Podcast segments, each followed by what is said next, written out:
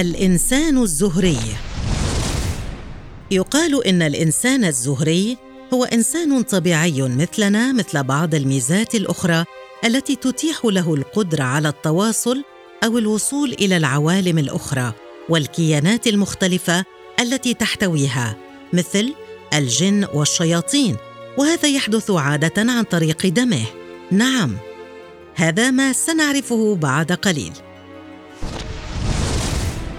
هذا الشخص يعتبر أحدى حلقات الوصل الهامة جدا في التواصل مع هذه العوالم خاصة عند السحرة والمشعوذين والذين يعتبرونه بدورهم كنزا لا يمكن التفريط به ويمكن أن يكون هذا الإنسان ذكرا أو أنثى وله صفات جسدية ونفسية معينة ومحددة جدا وهذا ما سنتحدث عنه. ظاهرة البحث عن هذا الإنسان منتشرة فيقال إن الإنسان صاحب هذه المواصفات ذو حظ كبير لكن هذا الحظ لا يلبث أن ينقلب عليه. فقد راح ضحية هذا الأمر أكثر من مائه طفل ممن يتمتعون بهذه الصفات. الزهري في اللغة هو الطفل الذي لم يتجاوز عمره العشر سنوات كما أنه يمكن أن تعني الحظ. ومن هنا اشتق اسم زهر اللعب.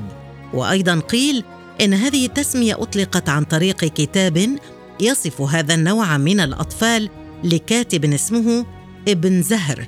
وفي علم الفلك هذا الشخص له طالع كوكب الزهرة. وعموما هذه التسمية تدل على الحظ والطفل. وكما يقال فإن الإنسان الزهري هو الإنسان الذي يستطيع فتح الأبواب المغلقة وهو أيضا نادر الوجود. هو يجلب الحظ في كل مكان يجلس فيه أو يتواجد عنده. وهذا الكنز يعد ثمينا جدا للمشعوذين الذين يستطيعون عن طريق دم هذا الطفل تحضير أسياد الجن والشياطين لإعانتهم في مهامهم الصعبة. صراحة كثرت التأويل عن مواصفات هذا الإنسان أو أن هل الإنسان يستطيع معرفة نفسه إن كان زهريا أم لا فيقال إن هذا الإنسان في الأصل فرد من أفراد الجن فعند ولادة هذا الطفل يلبسه الجن ويستقر معه طوال حياته. ويقال إن الزهري هو نتيجة تزاوج بين الجن والبشر. ويقال إن هذا الطفل ليس ابن الجن ابدا بل هو من سلالة نادرة. لعب القدر معها لتكون وافرة الحظ تماما. ومع الأسف لا الإنسان الزهري ولا أهله يستطيعون إدراك هذا الأمر فقط الدجالون والمشعوذون هم من يستطيعون معرفة ما إذا كان الطفل زهريا أم لا. ولكن هناك بعض المواصفات الجسدية الظاهرة لدى هذا النوع من البشر. فمثلا خط اليدين في باطن الكف يكون افقيا ويقسم الكف إلى قسمين. كما أن لسان هذا الإنسان عادة ما يملك خطا في المنتصف ويكون متعرجا. وهناك الكثير من الأسر ممن يمنعون أطفالهم من إخراج ألسنتهم كي لا يتعرف عليهم أحد خوفا على حياتهم. من أهم علامات معرفة الإنسان الزهري أيضا لون دمه الذي يكون مائلا إلى الوردي أكثر منه إلى الأحمر.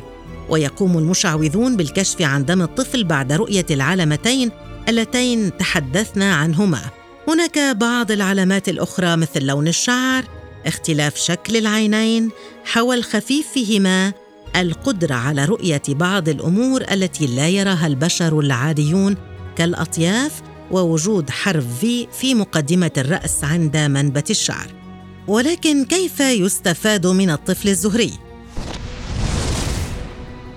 فبعد اختطافه يبدأ المشعوذون بربط الحجابات والكتابات على جبين الطفل من ثم إجباره على المشي حافيا حتى يسقط فيكون الكنز المدفون مكان سقوطه. وعادة لا يرد الطفل إلى أهله بعد انتهاء المهمة بل تظهر جثثهم في مناطق متفرقة.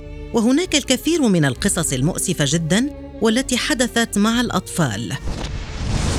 والآن هناك بعض القصص الحقيقية لحوادث هؤلاء الأطفال والتي نعتذر عن ذكرها لما يوجد بها من فظاعة. نادية ذات الثمان سنوات اختطفت أمام أخيها من قبل رجل يرتدي عباءه وهما في طريق عودتهما من المدرسة. عندما اختفت أخبر أهلها الشرطة وأعلموهم بصفاتها الزهرية لتكتشف الاخيره جثة مقطوعة الرأس في أطراف الغابة المجاورة وكانت معلقة بشكل مقلوب على أحد أغصان الأشجار.